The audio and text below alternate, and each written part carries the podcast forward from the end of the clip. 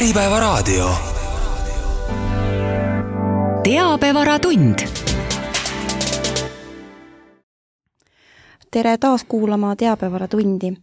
meie tänane teema puudutab tervishoiuteenuse osutajaid. täpsemalt hakkame rääkima patsiendikindlustusest kui esmapilgul tundub teema ehk rohkem meditsiinivaldkonnast, siis tegelikult on ju tervishoiuteenuse osutajad samuti ettevõtjad, kellel tarvis erinevaid nõudeid täita.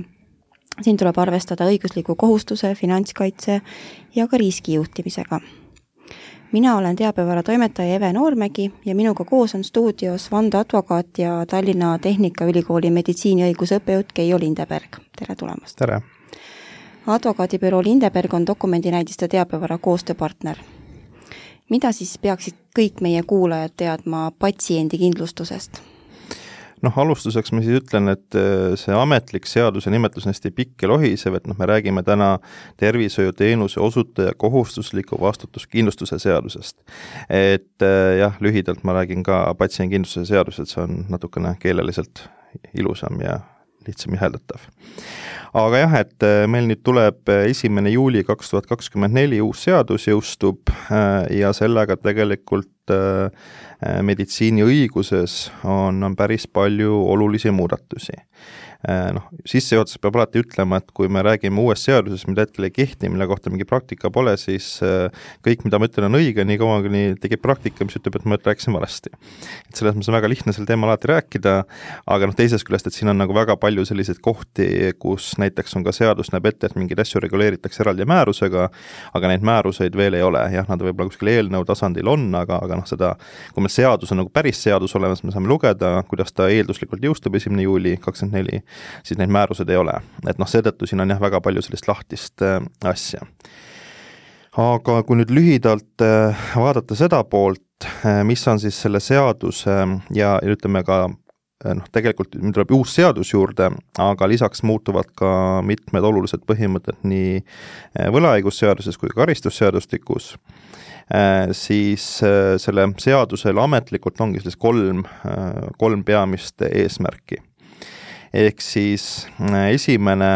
äh, eesmärk on siis vähendada kohtuvaidluste arvu. kuigi noh, siin peab kohe märkusena ütlema, et, et kui me hiljem jõuame ilmselt nende hüvitiste summadeni, siis tegelikult ka eelnõu äh, seletuskirjas täielikult mööna-, noh, möönnakse seda, et need hüvitise summad just sellise kõige raskemate tagajärgede korral võivad olla liiga madalad ja, ja suure tõenäosusega need vaidlused jõuavad ka kohtusse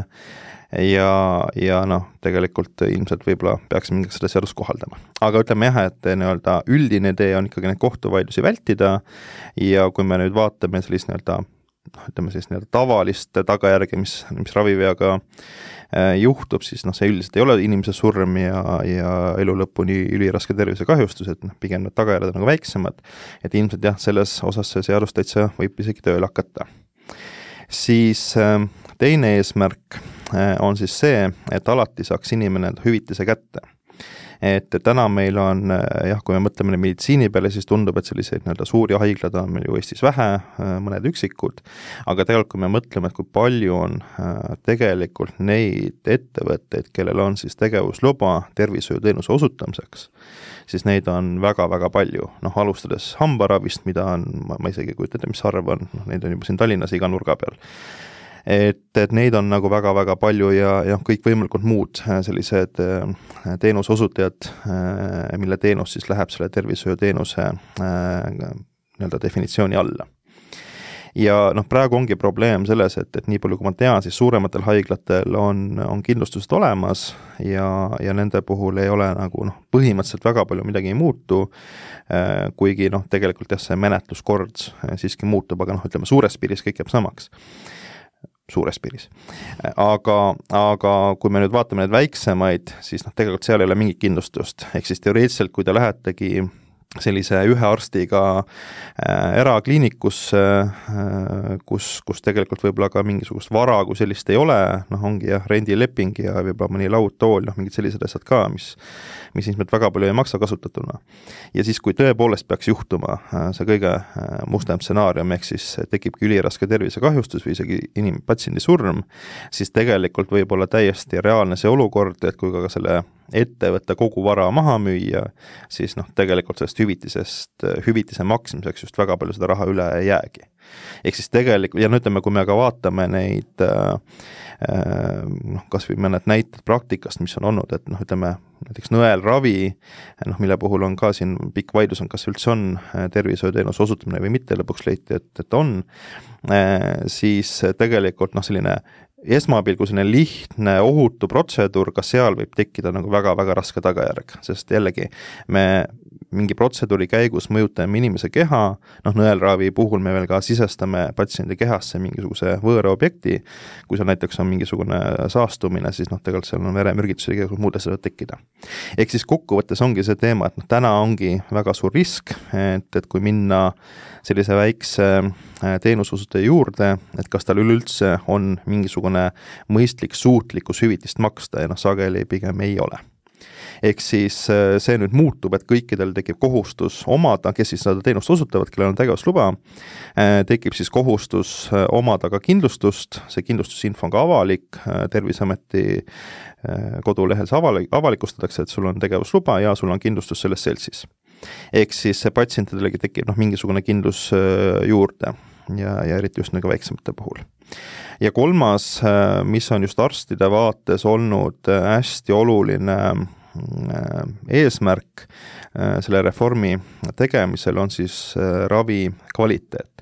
Et noh, tänane reaalsus on see, et kui raviviga juhtub, siis me sellest ei räägi, sest kui me sellest räägime, siis juhtub selline asi, et äh, tuleb kuri advokaat, nõuab suurt hüvitist, siis võib arst veel vangi ka minna, sest see on üldjuhul ka kriminaalkorras karistatav, on ta siis raske tervisekahjustuse tekitamine ettevaatamatusest või siis isegi surma põhjustamine ettevaatamatusest, ehk siis tegelikkuses äh, noh, ütleme, mul on ka väga raske arstidele öelda, et et avalikult rääkige, sest noh, ega reaalsus ongi ju see, et, et võib, võib minna vangi, jah, see on küll väga äärmuslik ja üldjuhul see nii, nii ei lõpe, aga, aga ikkagi. ehk siis mis on siis selle uue reformi võib-olla just selle meditsiini poole pealt kõige olulisem muudatus ongi siis see, et tekib kohustus kõikidest ravivigadest koheselt või viivitamatult teavitada Äh, ja, ja tegelikult tekibki selline andmebaas, kus on siis kirjas, mis juhtus äh, ja, ja tekib siis nii-öelda see teave, et ka kõik teised äh, saavad sellest õppida. et seal noh, ütleme kui väga tehniliseks või noh, ei taha minna, aga aga seal tegelikult tekib ka tervishoiuteenuse osutajal, ehk siis näiteks konkreetsel haiglal kohustus siis seda juhtumit menetleda, analüüsida, ehk siis no ütleme, üldine eesmärk on see, et kõigil juhtub, me saame sellest aru, et tervis, tervishoiuteenuse osutamine, üldse meditsiinisüsteem süsteem ongi selline, et noh, ikka juhtub. et see on täiesti nagu, loomulikult see ei ole tore, seda tuleks vältida, aga see on paratamatu. aga igast asjast saab õppida ja võtta kasutusele mingisuguseid uusi meetmeid, et vältida, et seda tulevikus juhtuks. ja see on siis selline suurem, suurem eesmärk. Ja, ja kuidas seda siis üritatakse saavutada, noh tegelikult arstide soov oligi, et arst mitte kunagi eh, kriminaalkorras ei vastutaks, kui raviviga on, noh päris sellist regulatsiooni sisse seadusesse ei olnud võimalik lisada. Ja ma ütlen, see pole ka õige, aga tuli siis nüüd uus eh, säte, eh, mis tähendab, et menetlus küll alustatakse, aga tekib õigus siis kriminaalmenetlus lõpetada. ehk siis äh, nii-öelda äh, noh, see on, ütleme, poolel teel sinna, et, et arsti kriminaalõiguslikku vastutust ei ole. ehk siis äh, menetlus küll alustatakse, äh, ehk ta ebameeldiv igal juhul kindlasti on, aga teatud juhtudel äh, saab selle siis lõpetada. Ja no ütleme, sellega omakorda haakub ka veel üks noh, nii-öelda minu enda vaates praktiline probleem, mis, mis nagu meditsiiniõiguses on, on siis nii-öelda kriminaalmenetluse mitte sihtotstarbeline kasutamine, ma nimetaksin seda niimoodi, Äh, praktikas on probleem hästi lihtne. Äh, kui mina lähen kohtusse äh, patsiendi esindajana, siis minul on kohustus tõendada, et oli raviviga on olemas jah, Eestis tervishoiuteenuse kvaliteedi ekspertkomisjon, äh, mis küll jah, kui on nagu väga ilmne raviviga, siis selle tuvastab, aga noh, kui ta on selline viiskümmend, viiskümmend olukord, äh, siis tegelikult äh, noh, enamasti tulebki see otsus selline, et ei, ei tea, võib-olla oli raviviga, võib-olla ei olnud. ja seal on ka see probleem, et see TKE ei ole selles mõttes noh, nii-öelda uurimisasutus, ehk siis mida nad teevad, on see, et nad vaatavad läbi need materjalid, mis on siis TKL esitatud, komisjonile esitatud, selle põhjal otsustavad. aga noh, ta ei ole nagu ekspertiis äh, selle tava tähenduses ja näiteks kriminaalasjades äh, neid TKE otsuseid tõendina kasutada ei saa ta on piisav selleks, et kriminaalmenetlust alustada, aga ta ei ole piisav selleks, et kedagi süüdi mõista, kriminaalmenetluses tehakse alati eraldi ekspertiis, kus siis tuvastatakse, kas raviviga oli või ei olnud. mis praktikas siis tähendabki seda, et kui ma ka tsiviilasjas esindan patsienti, siis noh, tegelikult ainukene koht, kus ma saan patsiendi heaks ka tasuta äh, väga hea kvaliteediga tõendi, ehk siis selle ekspertiisi, ongi läbi kriminaalmenetluse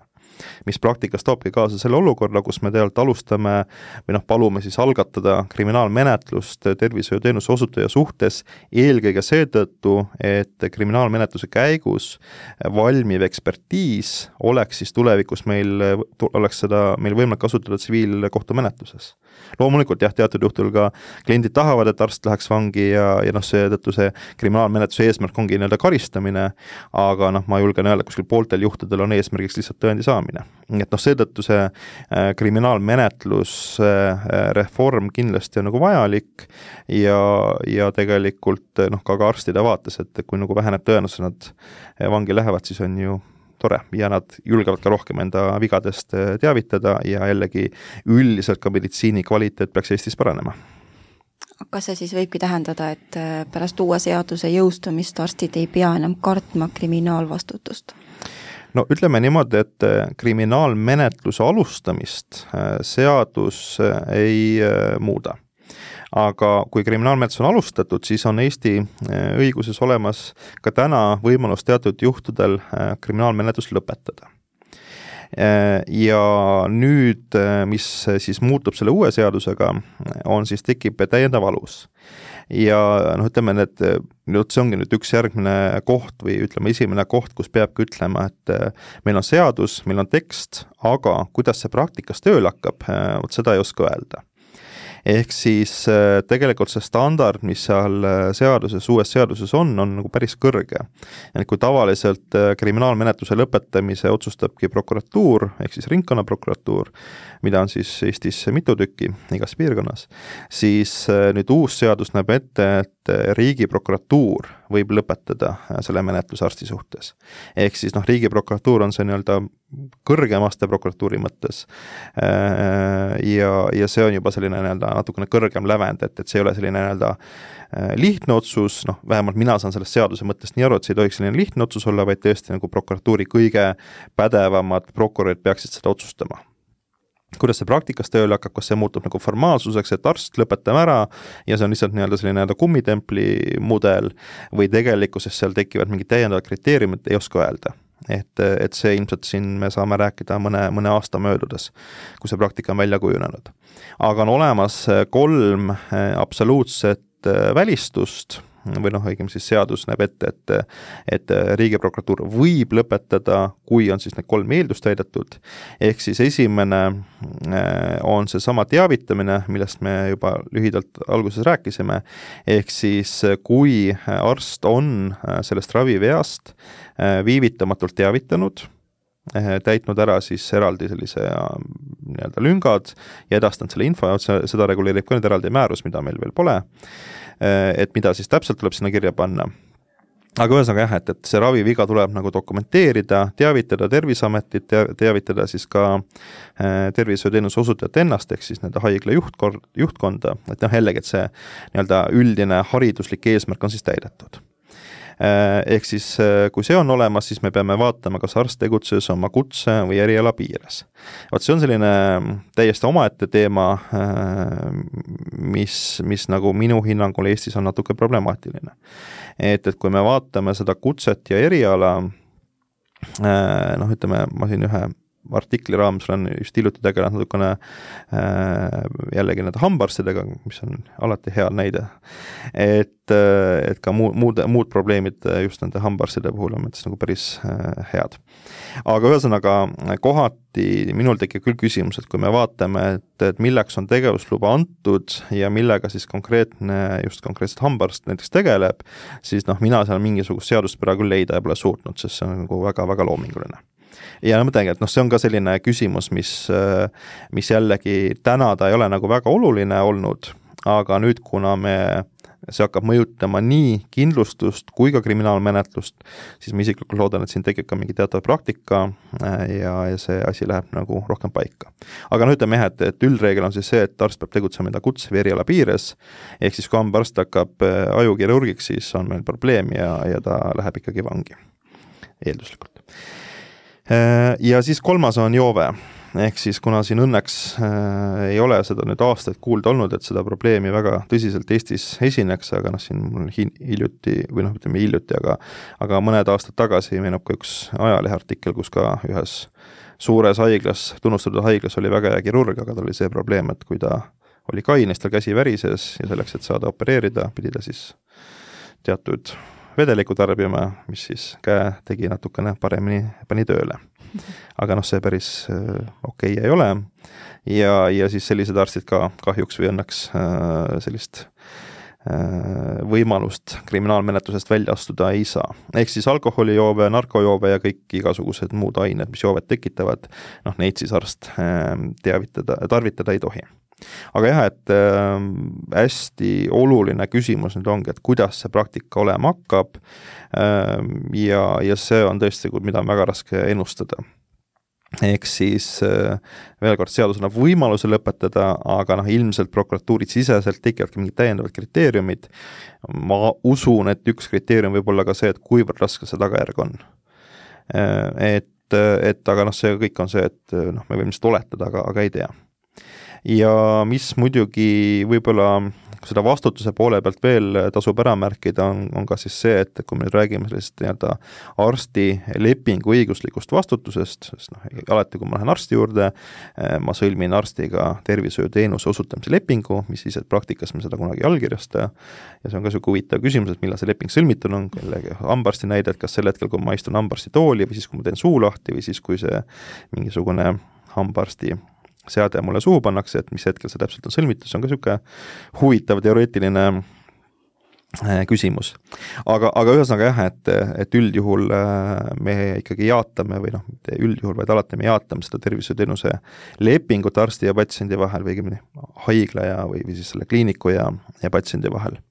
ja, ja kui täna meil on välistus see, et siis residendid, ehk siis need, kes on, õpivad alles arstiks, nad ei ole veel kvalifitseeritud arstid, seaduse tähenduses nemad ei vastuta, siis nüüd see säte kaob nagu täielikult ära,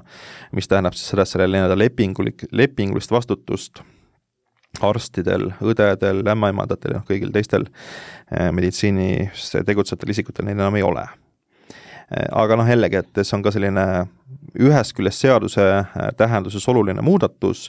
aga noh, teisest küljest, kui me praktikat vaatame, noh ega ta nüüd väga praktiline ei ole, et, et noh, ütleme, kui, kui kedagi hageda, siis eh, esimene kriteerium, mille järgi otsustatakse, keda hageda, on alati see, et kust on midagi võtta. Ja kui mul on valida, kas hageda haiglat või hageda ühte konkreetset arsti, no siis enamasti sellel haiglal ikkagi on rohkem vara aga jällegi jah, kui ta on tõesti selline nii-öelda ühe arstiga ja sisuliselt äh, registrikood tüüpi äh, tervishoiuteenuse osutajad, kellel mingit vara ei olegi, siis noh, võib-olla jah, nende, nende puhul tõesti see efekt on nagu suurem. nii et jah, et see on ka selline oluline muudatus nii, aga, aga mis patsientide jaoks muutub selle uue seaduse jõustumisega? vot, see on ka selline hea küsimus, sest äh, praktika näitab mis minu enda jaoks, ütleme, siin ongi selline, äh, selles seaduse osas on selline pessimisti vaade ja, ja optimisti vaade, optimist ütleb, et kõik probleemid lahenevad, vähemalt enamik probleeme, mis meditsiiniõiguses täna on, lahenevad ja kõik on, kõik saavad hästi läbi ja kõik on õnnelikud, ja noh, pessimisti vaade on see, et, et asi läheb hullemaks. Ja miks ta läheb hullemaks, üks argument on see, et meil tekib juurde üks äh, väga tugev osapool Äh, ja selle osapoole nimi on kindlustus. ehk siis noh, täna meil on kaks osapoolt, meil on patsient, kes ei ole rahul sellega, äh, milline on tema äh, ravi tulemus, mis siis iganes kahju tal tekib, ta tahab saada hüvitist, ja siis on meil arst ja siis ka nii-öelda tervishoiuteenuse osutaja, ehk siis nagu see juriidiline isik seal taga, kes siis ei taha eriti palju raha maksta ja noh, kardavad ka seda kriminaalõiguslikku poolt ja mainekahju ja kõike muud siis meil lisaks tekib ju juurde kindlustusselts, kes üldjuhul ei taha ju üldse kunagi raha maksta. ehk siis noh, jällegi, et kindlustuse valdkonnas on ka teada, et Eesti kindlustusseltside poliitikad on väga erinevad, on kindlustusseltsid, kes maksavad hüvitist mõistlikult välja, loomulikult mitte igas olukorras, et kui on selge, et seal on midagi valesti tehtud ja noh, siis ikkagi need vaidlused tekivad. aga ütleme, et on kindlustusseltsid, kes nagu noh, nii-öelda sõnastame siin, et mõttetute asjade üle ei nori ja siis on kindlustusseltsid, kes hakkavad piltlikult öeldes igast komast kinni ja üritavad seda hüvitist äh, iga hinna eest vähendada nullini või siis noh, vähemalt nii palju kui võimalik. et, et noh, mul puudub igasugune alus arvata, et see asi ei oleks kuidagi teisiti äh, nüüd selle patsiendikindlustuse puhul ehk siis ilmselt siin äh, üks selline suur probleem saabki olema äh, just see küsimus, et millises kindlustusseltsis on konkreetne tervishoiuteenuse osutaja kindlustanud ja milline on selle kindlustusseltsi äh, praktika. Ehk siis noh, ütleme meditsiinivaidlused oma olemuselt on ju hästi-hästi keerulised. Äh, siin on vaja erialateadmisi äh, ja ütleme, ka tegelikult, kui me räägime nii-öelda kohtuvaidluste, siis ei advokaat, ei prokurör, ei kohtunik, noh tegelikult ei suuda hinnata, kas raviviga oli või ei olnud, et kellele me tugineme menetluses nii tsiviilis kui ka kriminaalis, on eksperdid, ehk siis üks arst äh, kommenteerib, hindab teise arsti tegevusi ja siis tuvastab, kas raviviga oli või ei olnud. Äh, nüüd kindlustuse äh, vaates äh, noh, ütleme, kui mina oleksin kindlustusseltsi esindaja, omanik, siis noh, mina mõtleksin täna väga aktiivselt selle peale, et mul tekiks nagu selline kataloog arstidest, kes, keda saab kasutada siis ekspertidena. ja, ja kes, ühesõnaga ilmselt tekib, noh, vähemalt see on minu oletus, vähemalt mingitel kindlustusseltsidel tekib selline väga hästi tasustatud koostööpartner arstide näol, kelle siis ülesanne ülesanne on äh, maksimaalselt hakata siis otsima argumente väitmaks, et raviviga tegelikult ei olnud. sest see, et me nii-öelda ravivea toimumisel arst selle fikseerib, teavitab, noh, see on tema subjektiivne arvamus. aga tegelikult see ei ole nagu lõplik tõend, et raviviga oli ehk siis tegelikult eh, see vaidlus jääb ikkagi üles, et kindlustusselts saab väita, et jah, arst ekslikult arvas, et ta tegi ravivea, aga näete, mul on siin ekspert, eh, kes ütleb, et tegelikult raviviga polnud, noh, see oli mingi muu asjaolu, tõi kaasa selle negatiivse tagajärje. ehk see on, ütleme, see, kui nüüd seda pessimi-, pessimisti vaadet äh, väljendada, siis ma arvan, see on selle seaduse kõige, kõige suurem või ütleme, selle seaduse tõlgendamise, kohaldamise kõige suurem ohukoht ongi see, et millise positsiooni kujundavad kindlustusseltsid, eh, sest kui nemad hakkavad neid eh, nii-öelda maksimaalselt eh, hüvitisi vähendama või üldse väitma, et ravivigu pole, siis noh, tegelikult see süsteem ilmselt tööle ei lähe. et, et see on nagu selline esimene väga suur probleemkoht noh, teine probleemkoht on, on hüvitise summa. et ma alguses juba mainisin ära, et, et ka seaduseelnõus tegelikult jaotatakse või, või noh, ütleme, on see lause seal kuskil kirjas, seletuskirjas, et, et just nende raskemate juhtumite puhul need kohtuvaidlused ilmselt ära ei kao, kuna need hüvitise summad võib-olla ei ole siis nagu piisavad ja no ütleme siin noh, ütleme jällegi, ma nüüd, seal on, ütleme, pikad valemid selle kohta, kui on töövõime vähenenud ja igasugu muude asjade kohta. aga noh, kaks põhilist asja, mida ma praegu välja tooksin, on siis äh, kogu kahjuhüvitis, mida saab maksta, äh, pluss siis veel mittevaralise kahjuhüvitis ja nüüd äh, selle uue seaduse kohaselt absoluutne maksimaalne hüvitis, mida üks inimene saab, on siis sada tuhat eurot noh, kindlustusjuhtumi kohta on see kolmsada tuhat, ehk siis noh, näiteks kui on ka mingisugused lähedased, noh näiteks kui patsient sureb ja tal on hästi palju lapsi, siis iga laps saab nõuda äh, seda elatist, mis tal saamata jääb, et noh, tegelikult kui, kui neid õigustatud isikuid on palju, siis neid äh, raha äh, summa ja see hüvitis läheb päris suureks. Et nii-öelda kindlustuse juhtumi ehk siis nii-öelda ühe selle ravivea või noh, sellise kahjustatud patsiendi kohta meil on see kolmesaja tuhandene piir aga kui me nüüd räägime tavaolukorrast, ehk siis patsient saab viga, ta nõuab hüvitist, siis noh, tema saab kokku kuni sada tuhat eurot. ja sellest äh, mittevaraline kahju, ehk siis nii-öelda moraalne kahju või selline nii-öelda mittevaraliste üleelamiste kompensatsioon on siis äh, kuni äh, kolmkümmend tuhat eurot jällegi selle ühe inimese kohta. no mis on siis nagu praktikas äh, hästi suur äh, probleem ilmselt saabki olema, et kui me nüüd räägime sellistest nagu väga rasketest tagajärgedest, ehk siis patsient on surnud või on tal elu lõpuni selline üliraske tervisekahjustus, siis noh, ma toon lihtsalt selle probleemi markeerimiseks ühe näite, äh, raviviga tehakse alaealisele lapsele, oletame, et ta on viieaastane, ta läheb tööle eelduslikult noh, peaks minema umbes selle viieteist aasta pärast, ehk siis jah, meil on võimalik hakata arvutama, et milline on see sissetulek näiteks, mis tal saamata jääb, aga meil tekib kohe küsimus ja noh, reaalselt neid vaidlusi on ka olnud, kas me lähtume miinimumpalgast, kas me lähtume, lähtume keskmisest palgast või me lähtume sellest, et äkki tal olid äh, lapsena, ma ei tea, väga hea oli niisugune arvutamises või mingi loogiline mõtlemine ja ma ei tea, kujutame ette, näiteks oleks inseneriks õppinud ja teenib näiteks kolmekordset Eesti keskmist palka. Ehk noh, tegelikult me oletame, see võib olla noh, keskmine, ütleme, kui tänases vääringus ta võib teenida viissada eurot kuus või viis tuhat eurot kuus ja kus me selle piiri tõmbame, et noh, tegelikult ei saagi. ehk siis mis nagu praktikas enamasti nende meditsiinivaidluste puhul see põhiline hüvitise summa, mida siis makstakse, ongi just see nii-öelda mittevaralise kahju eest ja noh, mittevarane ka kõikidasugused valud, ebamugavused, ka see, et näiteks mu nii-öelda välimus on muutunud või noh, mis iganes muud sellised hingelised üleelamised on ja noh, see summa siis tuleb sinna kolmekümne tuhande peale tõmmatakse. et, et noh, siin jällegi peab nagu vaatama kahte väga erinevat äh, asja, üks on ametlik kohtupraktika, mis on siis need lahendid, mis lähevad äh, ilusti nimedega Riigi Teatajasse ülesse ja teine on siis see päriselu, mis seal taustal toimub. ehk siis, kui me räägime nendest hüvitistest, mida makstakse kohtuväliselt, siis noh, aastaid tagasi noh, lihtsalt ma võin öelda, et see hüvitis, kõige suurem hüvitis, mida minu klient on saanud, on ligi kakssada tuhat eurot ja see nüüd oli ka Äh,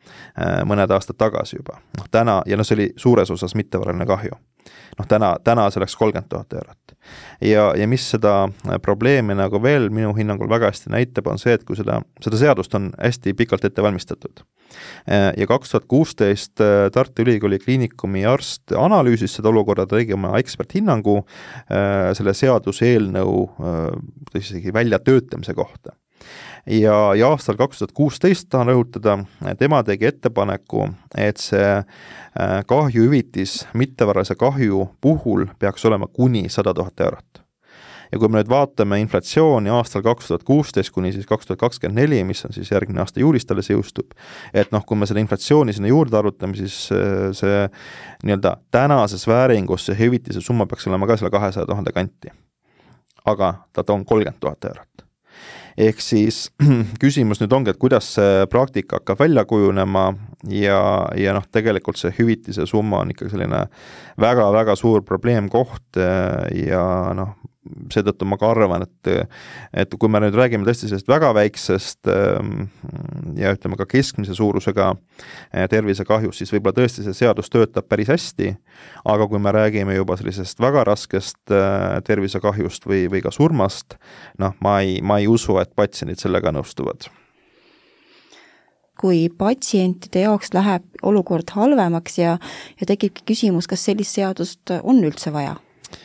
no jah, ma, nagu ma ütlesin, see ongi selline pessimisti ja optimisti vaade. et, et milline see reaalne elu hakkab olema, me ei tea, kui nüüd see nii-öelda pessimisti vaade realiseerub, siis noh, siis ilmselt ütleme, ütleks niimoodi, et seadust on ikka vaja, aga seadust peab tegema paremaks aga noh, ütleme üks asi, mis, mis kindlasti minu hinnangul on väga positiivne mõju, on ka see, et, et tegelikult äh, ka nii-öelda selle tervishoiuteenuse hind peaks minema selles mõttes nagu õiglasemaks, et noh, täna meil ongi äh, need teenusepakkujad, kellel on kindlustus, kellel juba tänu kindlustusmaksele on ilmselt ka kõrgem hind mingil määral. Äh, ja siis on meil need teenuseosutajad, kes võib-olla kõigepealt kokku hoiavad, pakuvad madalamat hinda, nii-öelda solgivad seda turgu natukene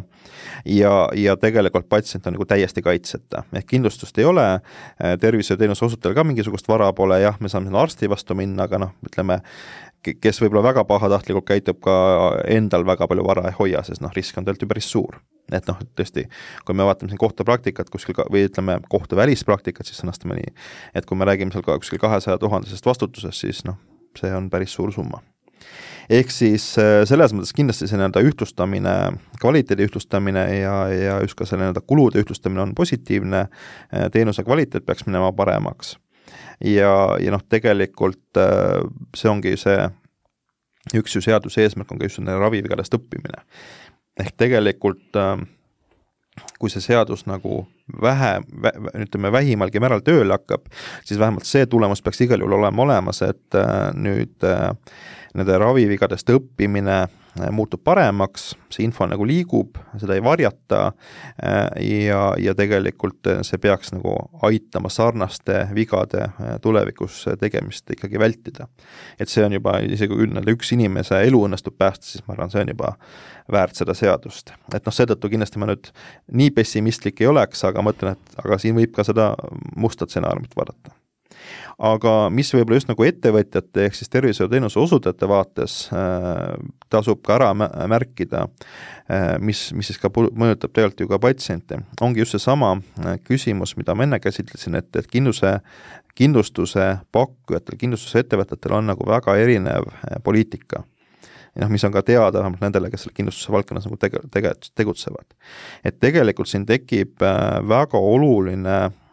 võimalus siis kasutada turunduses ära äh, seda, et vaadake, meie et äh, haiglas, meie kliinikus on kindlustus nagu kõigil on, peab olema, aga näiteks meil on siis natukene kõrgemad hüvitise määrad, sest see, mida seadus ette näeb, on miinimum. Keegi ei keela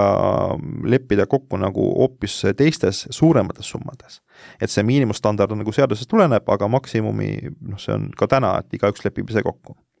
aga teine asi, mida saaks välja tuua, ilmselt ka statistika seda toetab, ongi just seda, et äh, näete, meie oleme valinud kindlustusseltsi, mis on ka nii-öelda patsiendisõbralik, ehk siis see ei ole see kindlustusselts, mis nii-öelda iga sendi pärast Riigikohtuni võitleb, vaid ta on nagu mõistlik, et kui on reaalne kahju, siis ta selle mõistliku hüvitise maksab välja ja, ja noh, loomulikult mingid asjad ikka jõuavad kohtusse et tegelikult see võiks nagu olla selline turundus, täiendav nii-öelda turunduskanal, et tule minu juurde, si-, si-, minu juures sa tead, et kui midagi läheb halvasti, sa saad hüvitise. ja, ja kui sa lähed mu konkurendi juurde, siis võib-olla nii hästi ei lähe ehk noh, tegelikult see on selline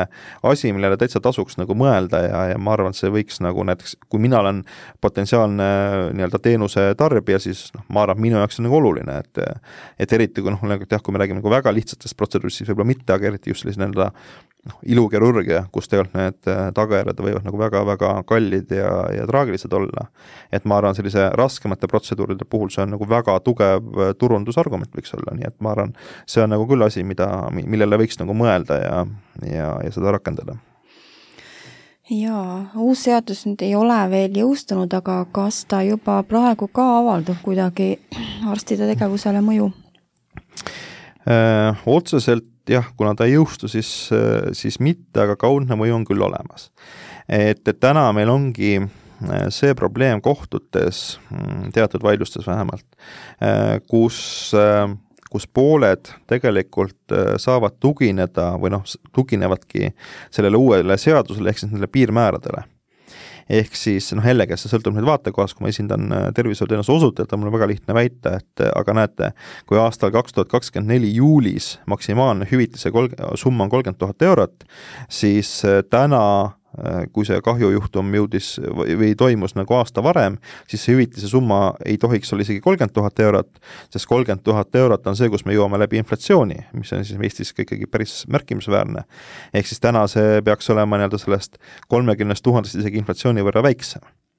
Et noh, see on nagu üks argument, mida saab haiglat esindades või tervishoiuteenuse osutajat esindades väga lihtsasti ära kasutada, äh, kuidas see kohtupraktika sellesse kaasa, sellega kaasa läheb, ei tea et jällegi see on, et noh, see on kõik nii värske ja, ja praktikale veel välja kujunenud.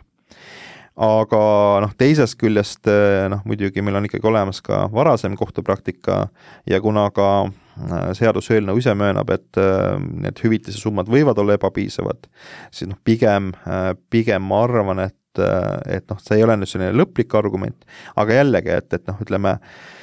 eks äh, selline üldisem probleem, mida ma olen siin ka teistes äh, siin saadetes ka juba varem välja toonud, nii laimuvaidluste puhul kui ka muudes mm, vaidluste puhul ongi see, et ega Eestis ju sellist äh, ühtset vaadet hüvitistel just mittevaralise kahju osas ei ole et meil on nagu erinevad sellised õiguse valdkonnad, meditsiiniõigus, laimuvaidlused, siis kriminaalis on täiesti eraldi, kui keegi läheb kellegi kallale või noh, mis iganes kuritegu toime pannakse. ja kõik nagu vaatavad seda nagu enda mätta otsast et loomulikult, eks need valdkonnad ongi erinevad, et noh, üks on see, et on, on kuritegu, kus siis ongi nii-öelda see paha, keda me peame karistama ja teises vaates on meil selline arst, kes ilmselt ikkagi alati annab endast parima, aga lihtsalt noh, mõnikord unustab midagi ära või on kiire või, või lihtsalt tema parim ei ole piisav. et, et noh, need ongi nagu natukene erinevad. aga, aga minu arvates selline hästi suur äh, probleem täna ikkagi ongi see, et, et meil oleks vaja sellist ühiskondlikku diskussiooni äh, sellel teemal, et milline on õiglane, just õiglane mittevaralise kahjuhüvitis et noh, lihtsalt ma võin näiteks tuua, et kuna ma õpetan ka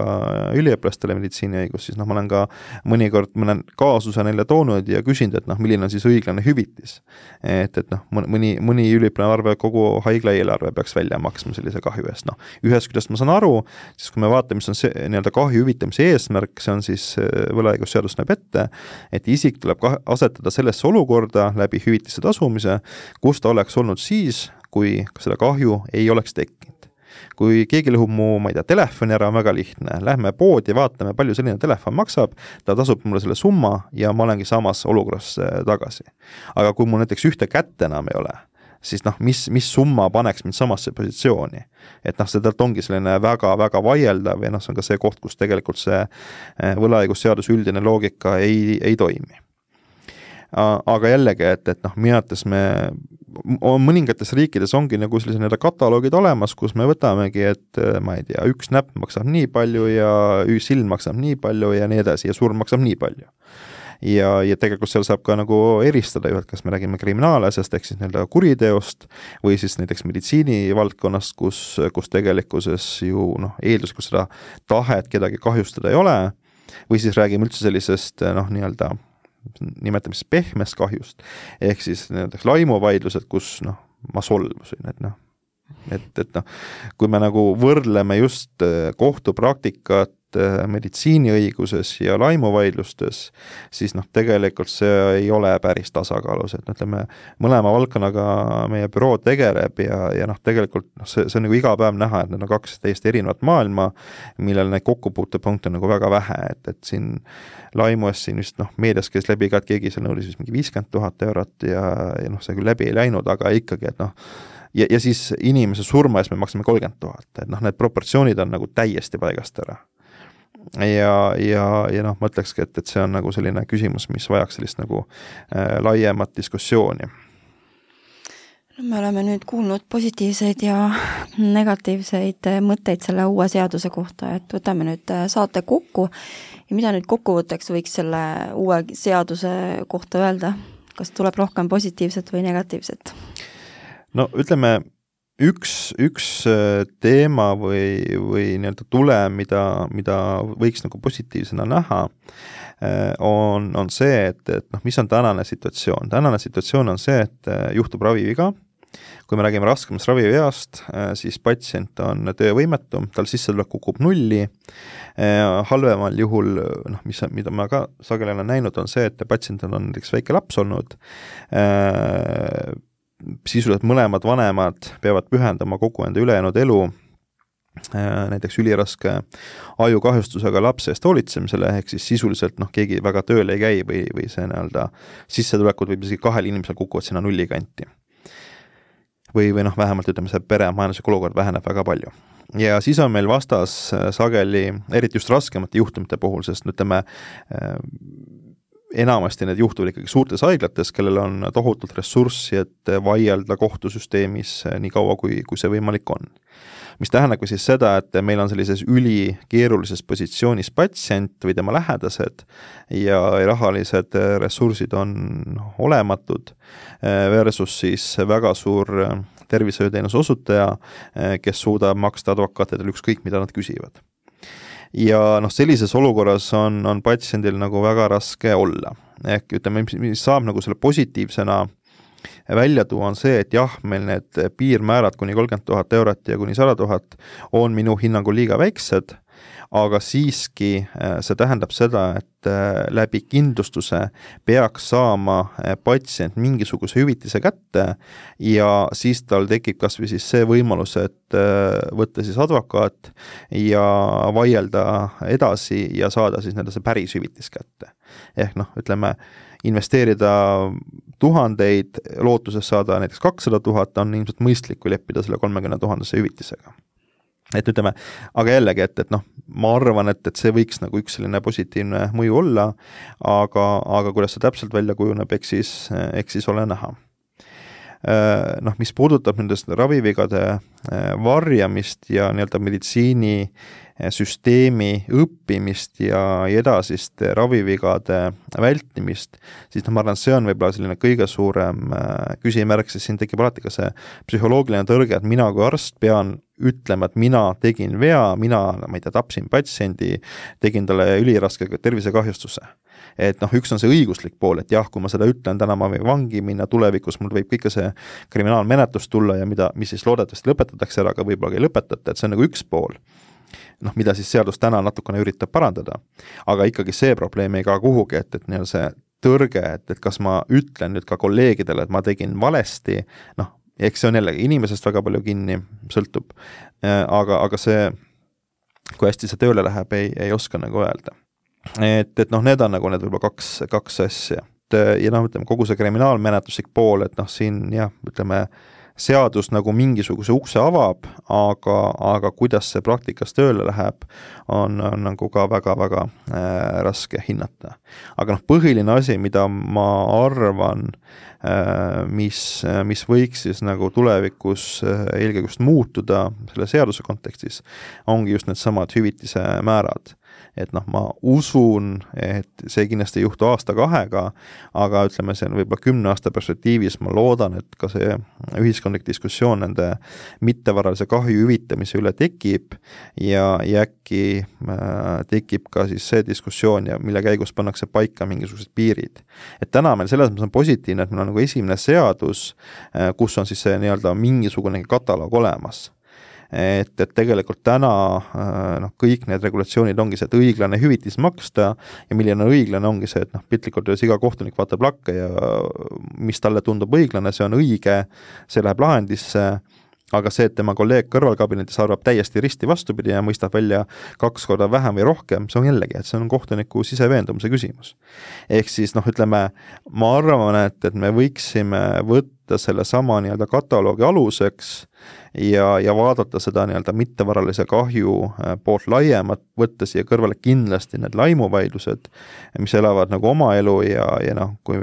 noh, minu jaoks nagu põhimõtteline tõrge on see, et, et äh, kui inimene saab viga, tal on suur valu, füüsiline valu, töövõime väheneb ja nii edasi, et ta saab nagu naeruväärse hüvitise ja samal ajal keegi solvub, kes siis võib-olla isegi neid kommentaare pole kunagi lugenud, tal on advokaat, kes neid loeb ja hageb, noh, see, see ei ole nagu okei. okay, minu arvates. jah, ka minu arust ei ole see okei okay. aga, aga nagu sa ütlesid, äh, siis see seadus on vajalik, aga see tuleb lihtsalt teha paremaks. ja kordan veel üle ka, et see tervishoiuteenuse osutaja kohustusliku vastutuskindlustuse seadus jõustub esimesest juulist kaks tuhat kakskümmend neli. ma tänan kuulamast ja ma tänan tulemast ja kohtumiseni kahe nädala pärast